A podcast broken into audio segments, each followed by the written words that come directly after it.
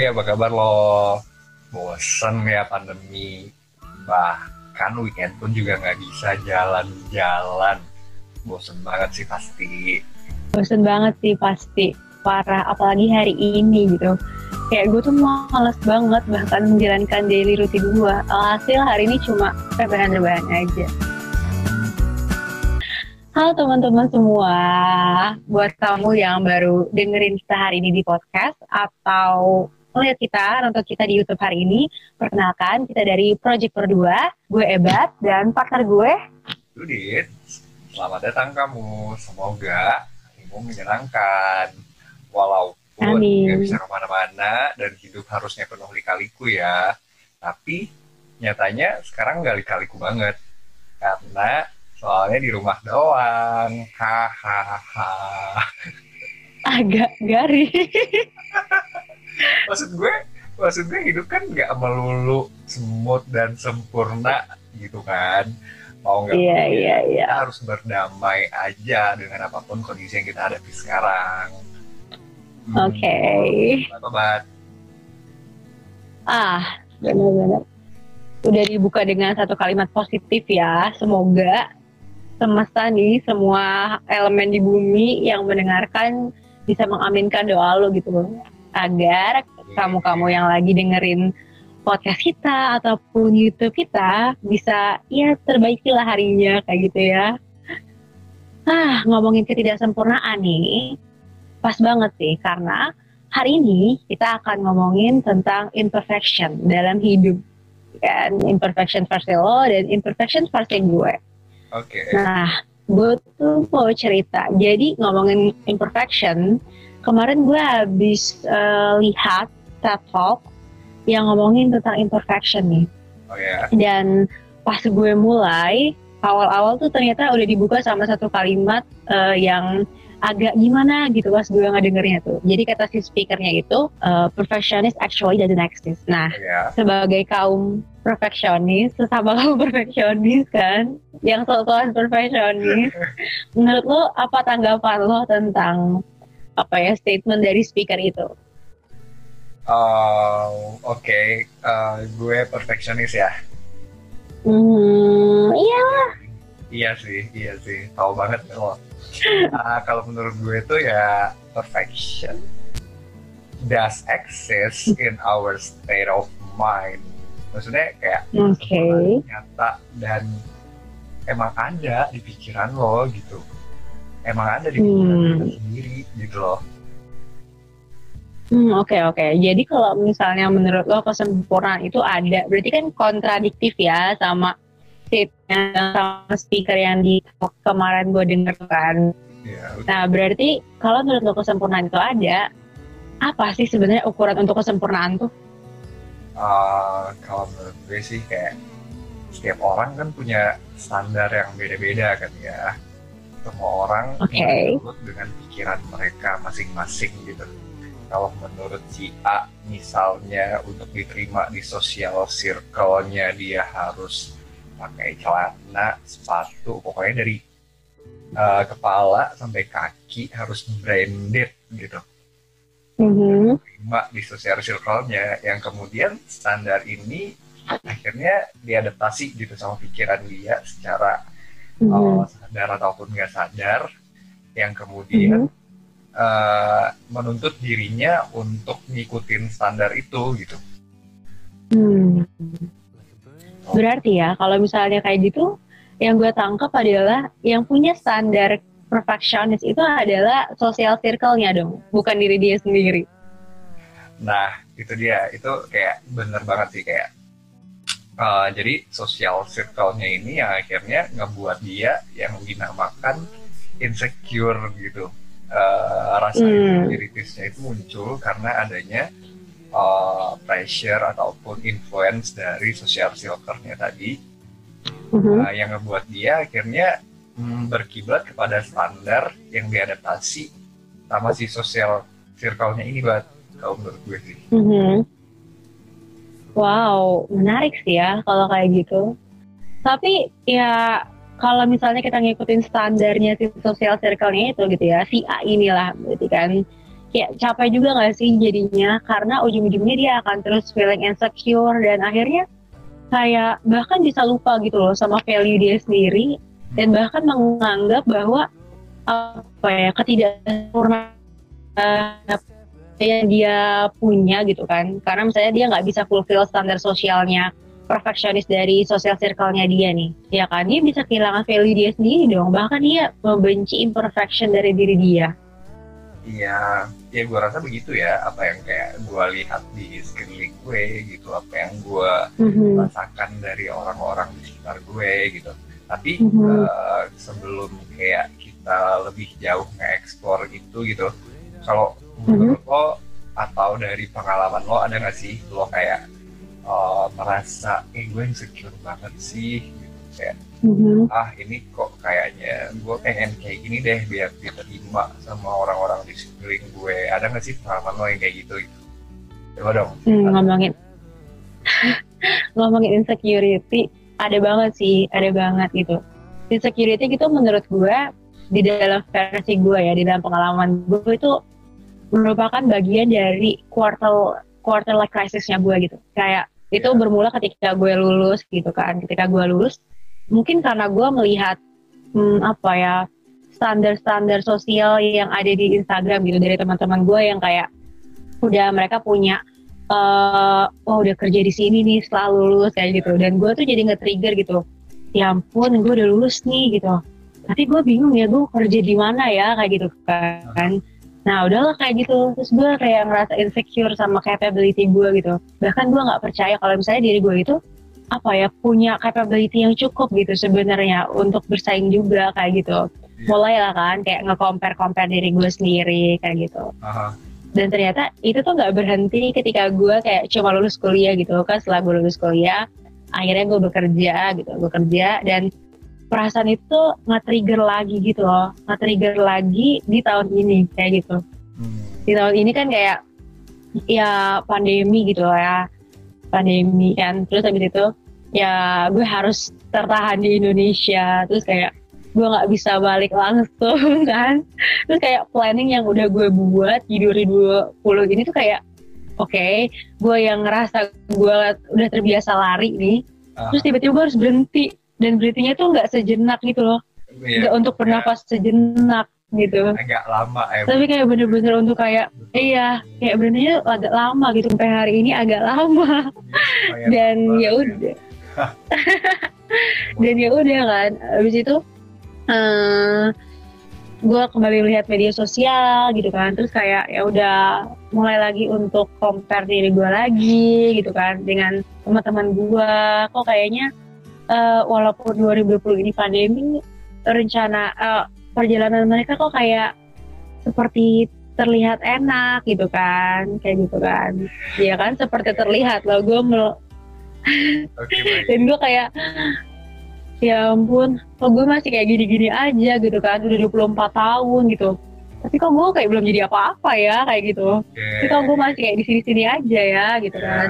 Nah itu tuh kayak insecurity yang kayak gitu yang gue rasain gitu uh. sampai akhirnya kayak di satu poin gue sadar gitu loh karena gue terlalu melihat orang lain nih tapi gue lupa gitu loh melihat diri gue sendiri kayak gitu loh Benar. sampai akhirnya gue tuh juga selalu eh mulai ngerasa gitu kayak gue terlalu apa ya terlalu maksain diri gue gitu padahal maksudnya tiap orang punya journey-nya masing-masing kan yes. tiap orang tuh punya perjalanannya masing-masing gitu kan ada yang berlari ada juga maksudnya ada yang berlarinya sprint gitu ada juga yeah. yang maraton gitu yeah. dan maksudnya nggak masalah pun gitu kan whether lo mau sprint atau mau maraton gitu nggak ada yang salah kayak gitu kan karena maksudnya hidup ini tuh bukan sebuah perlombaan antara lo dengan orang lain gitu. Iya benar benar. Tapi tapi antara lo dan diri lo yang sebelumnya gitu. Uh, gue tuh kayak Iya, iya betul banget kayak ya, ya ampun gitu.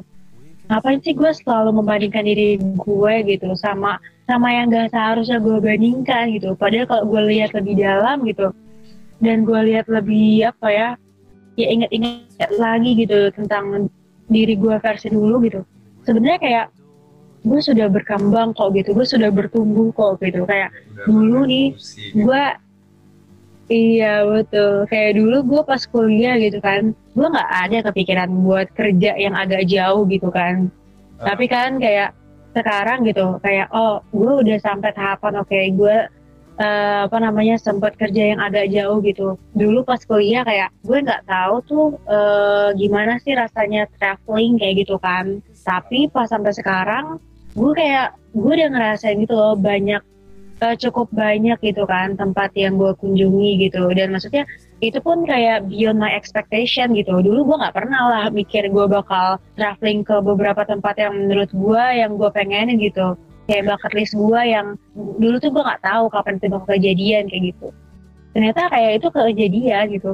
Bahkan kayak hal yang perlu gue lakukan sebenarnya gue cukup bersabar menunggu jawaban dari yang maha kuasa kayak gitu. Cuma ya ya itu baik lagi kan. Guanya aja yang nggak sabaran. Makanya mulai itu kan feeling insecure ngerasa nggak bisa apa-apa gitu kan. Ngerasa dunia ini berakhir gitu gara-gara pandemi ini gitu. Padahal kayak nggak gitu sih sebenarnya. Kayak lo coba lihat diri lo lebih dalam gitu. Banyak-banyakin ngomong sama diri lo gitu. Biar rasa insecure-nya itu jadi tahu gitu loh sebenarnya akarnya tuh dari mana kayak gitu. Kalau gue sih kayak gitu sih lebih ngerasa insecure dari pertumbuhan diri gue gitu. Kalau lo kayak gimana Dit? ada nggak sih kayak pengalaman insecure kayak gitu? Hmm, ya namanya juga apa ya uh, kayak dari uh, ulet bulu terus jadi ompong terus jadi kupu-kupu itu tuh prosesnya tuh panjang banyak banget jadi pasti ada mm -hmm. di fase-fase kayak ada di fase yang uh, yang labil, yang ke sana ke sini ngikutin standar orang lain, yang nggak kenal sama diri sendiri, yang bahkan mm. kayak ngejahatin diri sendiri, dan juga tuh yang ya lebih parahnya lagi tuh kayak nggak mentingin diri sendiri gitu loh malah lebih hmm. orang lain daripada mungkin hmm. benar benar benar worse gitu kayak yeah. yang akan selalu Agree. ada buat lo yang akan selalu nyemangatin lo ya diri lo sendiri gitu enggak bukan betul, orang betul. lain ya ketika lo nggak care sama diri lo ketika lo nggak mengenali diri lo sendiri ya kalau gue rasa ya insecure itu pasti akan ada terus gitu mm-hmm. itu sih kayak dari pengalaman gue kayak gitu sih karena mm. apa ya kalau gue boleh cerita itu waktu zaman gue mm-hmm. kuliah mm-hmm. kan ya teman-teman kuliah gue kayak yang banyak yang bilang gitu kalau kurus banget sih gitu mm-hmm. lo ini dong kayak lo besarin lagi dong maksudnya kayak lo ngebentuk badan lo dong atau agak digemukin lagi dong mm-hmm. biar agak cakep dikit gitu biar enak dilihatnya gitu loh Oke. Okay. Kayak yang masih labil, oh iya, oh iya gue, ini kayaknya iya deh gitu. Kayak gue gue terdoktrin gitu kan, gue terdoktrin. Kayak mm -hmm. bener nih standarnya uh, kayak gini nih cowok kayak yang iya iya. Uh, terus uh, badannya agak berisi gitu kan, kayak gue udah mm, betul betul. Uh, gue ya gimana ya labil mau nggak mau akhirnya gue yang ikut gym membership yang beli uh, susu gym yang semahal-mahal itu gitu. Yang akhirnya yang segede-gede gaban ya? Iya yang akhirnya juga berdampak sama kayak uh, budgetnya ternyata nggak ada gue untuk itu tapi gue paksain gitu. Yang akhirnya gue nggak makan akhirnya gue harus tahan lapar dong. Nah itu tuh oke. okay. bentuk uh, insecurities gue uh, yang akhirnya mm -hmm. diri gue sendiri gitu. Yang mm -hmm. gue sadar pada akhirnya itu kayak gue sadar gitu. Eh kok gue ini ya, kok gue uh, ngerasa gue capek gitu, gue lelah.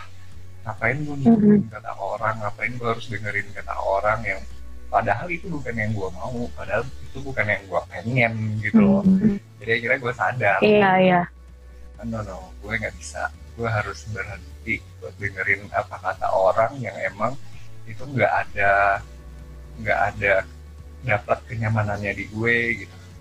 Ya udah pada saat Mhm. itu akhirnya gue ya kayak gitu. Gue ngerasa eh, gue kalau bukan diri gue yang peduli sama gue sendiri gitu.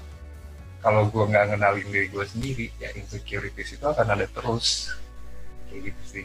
Iya, Uh, dan Betul juga sih. itu yang tadi lo bilang uh, sosial media kayak di sosial media tuh kayak uh, temen-temen lo ngelihatnya kok kayak uh, di masa pandemi ya kelihatannya hidupnya oke-oke aja baik-baik aja.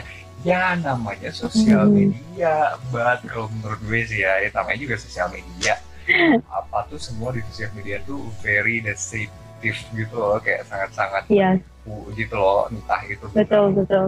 beneran apa namanya kayak yang nggak selamanya gue nggak sih kayak apa yang Iya. terpampang di media sosial itu beneran seperti itu kehidupannya gitu loh nggak tahu betul. aja saya tahu dia ternyata juga banyak uh, insecurities Masalah ya, nggak ditampilkan di media sosialnya gitu exactly. itu karena Mhm. kalau makanya kayak kalau kita ngikutin atau terlalu ngelihat kehidupan orang ya akhirnya ya ngebuat kita insecure sendiri gitu loh. Iya, bener banget sih. Ngebuat kita yang insecure sendiri, terus jadi kayak ngebanding-bandingin diri terus gitu. Terus kayak ngerasa, ya banyak kan gitu kan standar sosial yang ngomongin oke, oke misalnya kayak lo eh, 25 itu harus udah punya karir yang kayak gini gitu kan. Aha, Lo umur 30 itu harus udah kayak gini karirnya gitu. aha, lo umur segini tuh harus kayak gini pokoknya kayak banyak banget kan standar sosial segala macamnya termasuk Iya. kayak lo kayak harus udah nikah harus kayak gini gini gini gitu hal-hal insecurity itu sebenarnya apa ya yang ngebuat kita tuh bakal capek sendiri kan kayak yang lo bilang kayak gitu kan benar. karena kita tuh berusaha untuk mengikuti standar sosial yang ada kayak gitu kan. Baik yang ada di media sosial maupun di masyarakat sekitar kayak banyak banget kan kayak standar-standar sosial yang oh, oke umur 25 tuh lo harus udah nikah lo harus udah punya pekerjaan hebat gitu lo harus udah ini itu gitu. Ya banyak banget loh kayak gitu. Cuma kan kayak well kita hidup tuh bukan untuk memenuhi standar sosial apa ya society gitu Iya. dan hidup lo tuh misalnya dia lo udah 25 tapi lo belum mencapai hal-hal tersebut gitu hal-hal standar society itu gitu. Aha, dia lo nggak akan berhenti gitu. Lo nggak akan maksudnya eh, kecuali lo meninggal gitu ya itu beda hal gitu kan. Ah, kayak ketika lo masih hidup gitu lo bukanlah lo bukanlah seorang manusia yang gagal gitu. Ketika umur 25 lo nggak bisa menggapai semua standar society ada gitu. Misalnya lo belum nikah lo, bu- lo belum punya karir yang bagus gitu. Lo masih berjuang untuk jadi kupu-kupu yang hebat gitu kan. Ya that's okay gitu. Itu benar-benar sangat sebenarnya kita tuh kan kayak lagi di ibaratnya tadi lo bilang kan kita tuh sebuah ulat bulu yang berkembang jadi kepompong dan kupu-kupu gitu.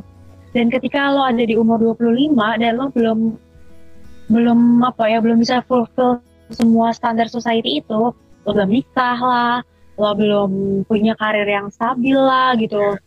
Lo masih di level yang apa ya junior lah atau level beginner lah, belum sampai level-level manajerial lah gitu. Lo belum punya rumah sendiri atau belum punya kendaraan sendiri gitu-gitu kan kayak banyak banget gitu pusing banget kalau misalnya lo harus ngikutin standar society gitu dan jadi nantinya itu capek ke diri sendiri gitu loh benar, benar, benar. kayak gitu kan kayak ujung-ujungnya gitu lo terus mencari sempurna sempurna sempurna gitu. Versi standar society. Dan akhirnya lo tidak mencintai ketidaksempurnaan yang ada di diri lo kayak gitu. Dan lo menganggap ketidaksempurnaan itu adalah bagian dari sesuatu hal yang negatif gitu. Kayak gitu sih. Kalau gue tuh kayak nggak apa-apa banget gitu loh gitu. Untuk kita tidak memenuhi standar society. Iya, kayak gitu sih kalau gue nganggapnya. Ya, iya, gue ini sih, gue setuju banget sih. Kayak uh, mau sampai kapan lo mau ngikutin apa kata orang gitu. Betul orang sih nggak akan ada habisnya benar serius serius gue kasih tahu nih sama lo ya kayak hmm sampai kapan gitu sampai orangnya Hmm. mati pun kayaknya akan masih ada gitu celotehan-celotehannya yang akan dilontarkan ke kita gitu yang akan betul betul komentar-komentarnya ke kita gitu entah itu baik buruk ya pasti aja orang-orang mah nggak akan berhenti berkomentar gitu. tapi ya gimana Mm-mm. caranya lo tuh kayak ngenalin diri lo sendiri lo kenal diri lo sendiri lo tahu apa kelemahan lo lo tahu apa kelebihan lo juga lo tuh Mhm. eh, sukanya yang kayak gimana lo tuh Iya, betul. sukanya kayak gimana terus setelah lo tahu itu kayak lo tuh bisa untuk eh, mengimprove apa yang kurang dari diri lo, memaintain apa kelebihan-kelebihan lo itu gitu. Mhm. kayak mengeksplor apa yang lo suka dan misal pun ada sesuatu yang gak lo suka lo bisa kayak ngasih boundaries gitu oh ya ini yang gak gue suka. Gitu. Jadi kayak lo nggak Iya, betul. terlalu kayak masuk di sebuah atau menimbulkan insecurities untuk diri lo sendiri gitu pada akhirnya. Iya, yang akan ngeliding itu tuh yang akan kayak yang pada akhirnya akan ngebuat lo capek sendiri. Gitu. Benar. Ya, bener sih, dan ya. itu tuh kayak jadi toxic gitu kan buat diri lo sendiri gitu. Hmm, ya kan? Kan agak agak sedih gitu ngelihatnya bahwa diri kita jadi toxic untuk diri kita sendiri kayak gitu. Iya bener terus nanti yang bakal bakal nyembuhin toks apa toxic itu tuh siapa gitu kan? Ah, kan kayak padahal seju- se apa ya sejatinya yang tahu diri lo ya lo sendiri gitu kan. iya benar benar benar. Iya kan, iya kan, kayak proses proses di mana sekarang-sekarang gitu kan, kayak ya let's say umur 20-an itu bukan proses untuk mencapai satu kesempurnaan lewat standar society gitu loh, Hmm, tapi proses untuk mengenali diri lo sendiri, hmm. proses untuk uji coba, kalau menurut gue gitu sih. iya iya benar. Semakin sering lo coba gitu kan, error iya trial and error gitu kan, ya semakin lo tahu gitu. Ini tuh sebenarnya apa yang diinginkan oleh diri gue nggak sih gitu. Hmm, ini tuh sebenarnya apa yang gue butuhin gak sih kayak gitu kan. Jadi kayak proses mengenali diri sendirinya itu kan gak cuma lihat dari teori doang kan. Gak cuma kita eh, apa kayak ngerjain tes MBTI kan. Kayak oh dapat nih nih gue nih ENTJ nih gitu kan. Gue nih INTJ nih INFJ nih gitu kan. Aha. Nggak cuma kayak gitu doang kan. Karena itu tuh cuma lo mengetahui gitu. Tapi ada satu step lain yang harus lo tahu eh, yang harus lo lakukan gitu yaitu mengerti gitu. Kayak oke gue ENTJ nih Aha. gitu kan. Terus kenapa kalau gue ENTJ kayak gitu kan. Iya. Ya kayak gitu kan. Habis itu nah lo harus mengerti itu gitu. Gimana cara mengertinya? Ya itu trial and error gitu. Hmm. jadi sahabat terbaik untuk diri lo. Kayak gitu sih karena kan ketika diri lo sedih lo kan kayak misalnya nih kalau gue kan gitu kan kalau gue sedih nih gue pasti nyari lo kan gitu kan kayak oh ini sahabat yang pengen gue eh, repotin nih gue pengen didengerin nih didengerin pas gue nangis gitu aha. Wah itu dulu kan sebenarnya dan sebenarnya itu yang dibutuhkan oleh diri kita juga kan kayak gitu didengarkan dulu gitu oleh diri kita gitu kayak ditanyain kayak kamu sedihnya kenapa kayak gitu. Hmm, kamu lukanya tuh kenapa kecewanya tuh kenapa kayak gitu kan. Iya. Kayak perlu ada self reflection gitu nggak sih biar exactly. ya lebih tahu lebih mengenal gitu loh sama diri sendiri. Karena kalau bukan diri lo yang peduli sama diri lo sendiri ya siapa lagi gitu. Orang lain kan belum tentu. Emang lo siapa gitu. Kalau emang Mm-mm. kalau emang eh, misalnya dia adalah sahabat lo keluarga lo ya mungkin dimengerti gitu loh kenapa mereka peduli. Tapi orang lain yang yang lo ikutin eh, standar kehidupannya atau standar dari diri dia gitu ya nggak akan peduli dia ya nggak sih? Betul betul betul. Kayak maksudnya kalau misalnya kayak selebgram selebgram atau youtuber yang lo lihat eh ininya video-videonya ataupun postingan-postingannya ya. Kayak gimana ya kayak kayak ah gue mau nih ngikutin standarnya si selebgram ini gitu. Mhm, kalau lo nggak mampu ya mau gimana gitu loh kayak masa lo iya. mungkin ya akhirnya lo nggak nyaman sendiri dong. Betul betul betul. Betul betul. Pinter karena apa ya kita tuh harus pinter-pinter gitu loh karena sosial media itu menurut gue bisa jadi tempat yang super positif tapi juga bisa jadi tempat yang super negatif gitu. Dan itu tuh depends gimana lo pakainya gitu loh. Kayak Iya, misalnya makanya lo gitu. Iya makanya kayak kalau lo apa eh, hidup di sosial media itu kayaknya emang lo harus bijak banget gitu. Memilih betul. memilih kayak mana yang emang patut lo ikutin atau lo tontonin Mhm. atau mana yang patut kayak yang eh, ini nggak baik nih gue tonton nih kayaknya Mhm. influence-nya jelek nih untuk gue gitu. Iya. Kayak dan semuanya kan yang di sosial media ini kan ya semua ada gitu loh baik yang jelek maupun iya betul. baik pun atau yang kayak betul banget. sekalipun itu kayak semuanya ada gitu loh. Kayak lo tinggal memilih-milih aja mana yang uh, cocok buat lo mana yang nyaman buat lo. Nggak perlu dipaksain gitu loh kalau lo emang nggak mampu bikin suatu tren ataupun harus beli kayak punya barang-barang branded gitu. Kalau lo emang nggak mampu ya ngapain gitu? Kan iya lo bener sendiri yang sengsara pada akhirnya. Bener sih bener banget bener banget sih. Jadi kayak ya itu dia gitu kan.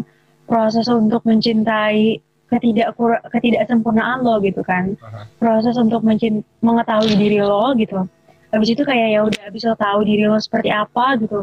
Kurangnya lo tuh di mana gitu. Kelemahan lo tuh di mana kekuatan lo tuh di mana. Habis itu apa ya kalau emang ternyata si kelemahannya ini bukanlah sesuatu hal yang bisa diimprove gitu tapi sesuatu hal yang bisa diterima ya udah gitu kan terima gitu kan Mhm. cintai gitu. Bahkan apa ya kadang ketidaksempurnaan itu bisa menjadi satu kekuatan lain gitu loh kayak gitu. Betul betul betul. Oke gue setuju sih. Dan dan yang tadi kenapa uh, lo di awal tadi kan udah lo kan menurut lo uh, lo setuju nggak dengan uh, pernyataan perfection does not exist gitu? Mhm. kan tadi udah gue jawab ya perfection is Hmm. uh, perfection does exist gitu. Kesempurnaan itu exist di dalam pikiran lo sendiri di dalam uh, state of mind diri lo gitu. Karena ya itu tadi kayak menurut gue ini gue udah gue udah sempurna dengan cara gue menerima apa pun kekurangan gue gitu. Ya itu kesempurnaan gue exactly. gitu. Itu kesempurnaan gue. Betul, karena betul. gue bisa berdamai dengan diri gue sendiri gue eh, membuat nyaman diri gue sendiri gitu. Jadi kalau buat gue tuh eh, kesempurnaan itu lo eh, menerima diri lo sendiri dan lo nyaman dengan itu gitu. Jadi ya betul. buat gue itu tadi perfection does exist instead of your mind. Iya iya. Gue juga kalau misalnya ambil perspektifnya kayak gitu iya setuju gitu. Kalau misalnya sebenarnya mungkin yang ngebedain eh, sudut pandang si speaker itu dengan sudut pandang lo kan lebih ke bentuk imperfection dan perfectionnya gitu kan. Kayak mungkin yang lebih dijelaskan oleh si speaker itu perfection uh, doesn't exist itu yaitu karena misalnya orang itu terus-terusan mengacu kepada kesempurnaan yang dibuat oleh standar society kan. Ah ya Hmm. sedangkan kayak misalnya di perspektif lo gitu kan kalau perfectionist itu ada dengan cara lo menerima diri lo kayak gitu. Dengan cara lo merasa sempurna atau merasa berdamai dengan diri lo sendiri kan Hmm. kayak gitu makanya lo merasa diri lo ini ya udah enough gitu kan ibaratnya Iya sih, iya sih, i- iya sih. Mhm. Kayak makanya tadi gue bilang kan kayak se- semua orang tuh kayak punya standar masing-masing gitu loh tentang exactly eh, perfection itu. Misalnya gue, gue nih, eh kita nih, kita nih kan ada jiwa-jiwa perfeksionis kan ya, yang menurut Mhm. lo eh, perfeksionis yang misal lo ngerjain sesuatu atau lo eh, dandan nih untuk fashion lo gitu. Menurut Mhm. lo lo udah lo udah perfectionist nih lo udah tinggal ready lo ready nih udah tinggal berangkat gitu kan Jadi, eh, Betul. terus ada orang lain yang komen eh kok lo pakainya kayak gini sih kok lo pakainya kayak gitu sih gitu kayak kan akhirnya kayak ya padahal itu menurut lo lo udah perfection Perfect. lo udah iya kan apa lo udah ready to rock the world gitu tapi ada yes kalau yang komen kayak gitu kan kayak apaan sih gitu gue nih udah betul, betul. sempurna menurut gue gitu ngapain lagi Iya. celah-celah gitu loh kayak ya udah itu kan emang menurut dia gitu loh jadi Mm-mm. jangan sampai pada akhirnya lo nggak nyaman dengan diri lo sendiri kayak gitu sih Ya, jangan sampai aja lo nggak Iya. nyaman sama diri lo sendiri Betul, betul. Karena maksudnya kalau di sini gue menangkapnya adalah yang jadi poin pentingnya adalah bagaimana membuat diri lo nyaman gitu. hmm, Bagaimana lo menerima dan mencintai ketidaksempurnaan Ya. yang dianggap oleh orang lain gitu. yes exactly Iya kan? Dan jangan sampai perspektif itu tuh membuat lo kehilangan value lo gitu. Dan lo ngerasa kalau lo tuh gak worth it gitu. Padahal kayak enggak gitu loh gitu. iya padahal Because I've been there gitu. enggak sih kayak gitu Iya, gue pernah di posisi yang gue ngerasa gue sama sekali nggak worth it gitu. Padahal sebenarnya kata siapa gitu, itu tuh kata diri gue sendiri yang waktu itu Iya. merasa bener-bener toxic banget. Iya benar-benar kita tuh kita tuh bisa kejam, kita tuh bisa jahat banget sama diri kita sendiri bahkan ya nggak sih? Betul, Pernah nggak sih? betul, betul. gitu?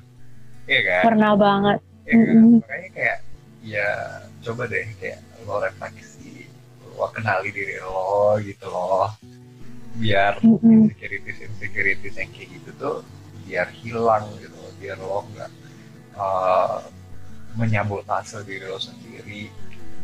Betul, betul. Sebenarnya sih ujung-ujungnya itu dia kayak eh, lo tuh sebenarnya tiap orang itu punya apa ya keworthitannya masing-masing gitu loh. Mhm. ya kan tanpa kayak ya baik lagi sih. Lo bisa tahu value lo lo bisa tahu kalau lo tuh worth it untuk ada di dunia ini Hmm. ketika lo bisa mengenali diri lo dan mencintai diri lo gitu. Yes. kayak gitu kan? Ya setuju. ya kan? Dan hal yang pertama tuh adalah lo harus apa ya melakukan mungkin self acceptance ya nggak sih? Yes, self acceptance dulu baru habis itu self love ya nggak sih? Exactly. Bener banget. Bener, bener ya Ya kayak gitu deh. Jadi kayak buat teman-teman semua yang mungkin juga ngerasain kayak ngerasa, aduh aku tuh banyak banget nih nggak sempurnanya kayak gitu kan. Uh, Aduh aku nih udah 25 nih gitu. Tapi belum ngapa-ngapain atau aku udah 30 nih gitu. iya tapi Cuma kok aku belum gitu ada kayak Iya. aku kayak tapi aku belum bisa itu nih apa namanya fulfill standard society ini aku belum nikah aku belum punya karir yang stabil gitu-gitu kan. Kayak nggak apa-apa kalau gitu. Kamu nggak sendirian kayak gitu. Yes. dan kamu bukanlah orang yang gagal walaupun kamu belum bisa mencapai standar society yang ada kayak gitu Ya, kan. bener banget. Yang paling penting kamu ketahuin itu kamu kenal diri kamu sendiri. Kamu tahu kelemahan kamu kamu tahu kelebihan kamu dan kamu tahu apa yang kamu mau. Itu sih. Betul, betul banget. Kayak di dalam dunia yang kayak gini gitu kan, ya coba kita, coba kamu berhenti gitu untuk apa terus-terusan compare diri kamu gitu. Kayak yang tadi Judith bilang nih, kalau misalnya yang penting itu kamu kenalin dulu diri kamu, dan itu tuh benar gitu loh. Kayak kamu kenalin diri kamu, perbanyak apa ya trial and error gitu. Kalau misalnya gagal, coba lagi. Gagal, coba lagi gitu terus-terusan gitu. Karena semakin banyak kamu mencoba gitu, semakin dekat juga gitu kamu ke tujuan kamu kayak gitu kan. bener sih bener Kayak daripada kamu nggak pernah coba, ujung-ujungnya misalnya kamu ternyata akan berhasil di angka 19 gitu kan. Ternyata kamu nggak nyoba gitu. 18 kegagalan kamu ini nggak akan kamu lewati kayak gitu kan. Tapi ke- misalnya kamu terus-terusan nyoba kan, percobaan ke satu, kedua, ketiga, sampai ke 18, tahu-tahu ternyata di percobaan kamu yang ke 19 kamu berhasil gitu. Hmm, Dan itu tuh karena kamu nyoba gitu, bener ya kan? ya makanya kayak ya eh, pepatahnya itu gini bat eh, pepatahnya Hmm, gimana tuh? em, jangan mati sebelum mati jadi ibaratnya itu Oke. kalau emang lo udah patah semangat lo udah nggak mau nyoba lagi itu artinya lo Mhm. udah mati sebelum lo mati paham Oke. nggak Paham, paham, paham. jadi kalau lo udah nggak punya semangat lo nggak udah eh, lo udah nggak punya passion untuk nyobain hal-hal yang misalnya lo udah pernah gagal gitu lo nggak mau nyobain Mhm. ya berarti lo udah mati di situ gitu. ibaratnya kayak Iya, gitu, iya. udah mati ya udah lo lo kalau nggak mau nyobain itu lagi ya udah cobain hal lain gitu kalau misalnya lo udah betul udah gagal juga terus nggak mau nyobain juga ya udah lo mati juga di situ gitu loh makanya kayak ada pepatahnya ya lo tuh kalau emang udah lo menyerah sama apa pun berarti lo itu eh, istilahnya lo udah mati. Makanya iya iya iya. mati sebelum mati.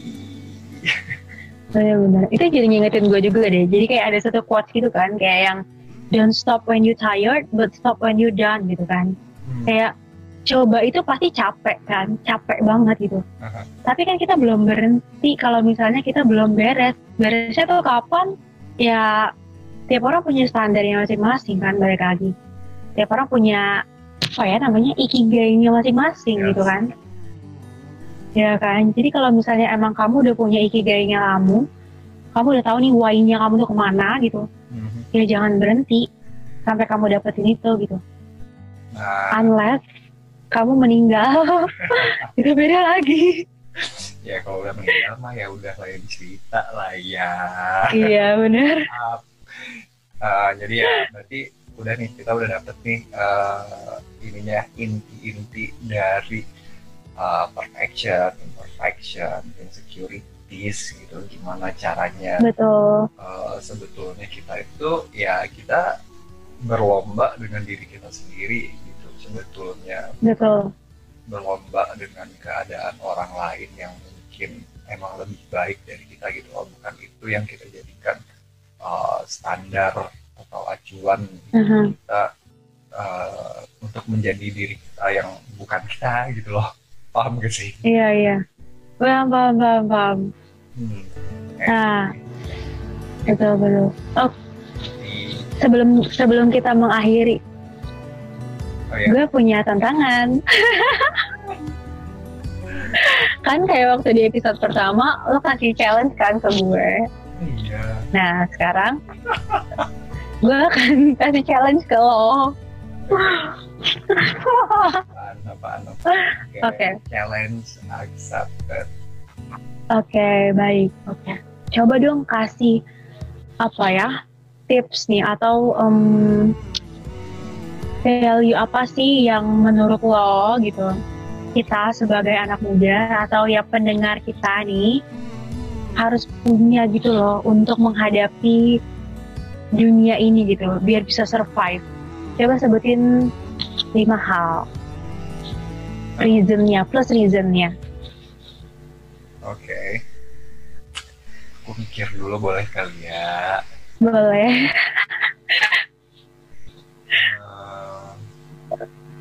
value ya. Yes. Value. Eh, kalau yang buat kalau buat gue value yang paling penting yang harus lo punya itu yang pertama lo punya passion. Kalau nggak punya passion, kayaknya lo akan mandek gitu masih lo akan mandek lo kayak nggak tahu mau ngapain gitu. Dan passion itu juga berdasarkan dari lo udah mengenal diri lo, lo tahu apa yang akan lo buat, lo tahu apa yang akan lo tahu apa yang lo inginkan gitu loh. makanya bisa Mhm. ada passion itu tadi. Oke. Oke. Terus Baru satu. Terus yang kedua, uh, value yang harus punya itu lo tuh hmm, perseverance. Perseverance itu kayak lo pantang menyerah gitu. Lo harus Oke. terus untuk apa yang lo mau. Itu sih yang kedua value-nya. Mhm. Terus Yang Ketiga. yang ketiga kalau juara satu lo kalau gue sih ya kalau gue sih ya idealis Mhm. idealis Oke. itu yang paling penting sih buat gue idealis kayak hmm, Karena. lo kerja di kantor kan dan lo inginkan lo menginginkan suatu posisi yang lebih tinggi daripada yang sekarang tapi Mhm. caranya ya kan macam nih caranya yang penting bos suka yang apa kata bos deh diikutin semua gitu ada juga yang kayak Mhm. emang benar-benar dari oh, solusi-solusi dia ide-ide dia dan juga bahkan emang eh, dari kegigihan dia untuk jadi yang terbaik gitu nah itu Mhm. yang harus ada si idealis kayak Oke. Gue paling nggak bisa nih menjilat gitu nggak bisa nih eh, ya ya baik-baik di depan bos gitu atau di depan manajer Fake gitu ya, being fake gitu ya. ya kayak kayak nggak bisa banget gue menjilat eh, menjilat baik-baikin bos kayak ya nggak bisa banget gitu. Itu itu sih gue idealis I feel you kok, I feel you. idealis terus eh, yang keempat value-nya optimis. Kalau gue sih op- Oke. optimis. Optimis banget pokoknya. Harus pokoknya kayak yakin banget gitu Eh, setelah ini tuh akan ada eh, sesuatu yang indah di balik usaha lo di balik kegigihan lo gitu jadi yang membuat Oke. lo nggak akan menyerah begitu aja gitu itu sih optimis optimistis Oke. Plus.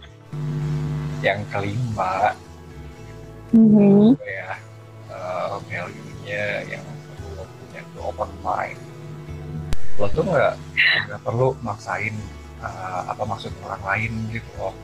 Jadi kalau emang dia berpendapat kayak gini ya udah eh, lo hargain. Dan gue misalnya berpendapat kayak gini ya udah lo hargain.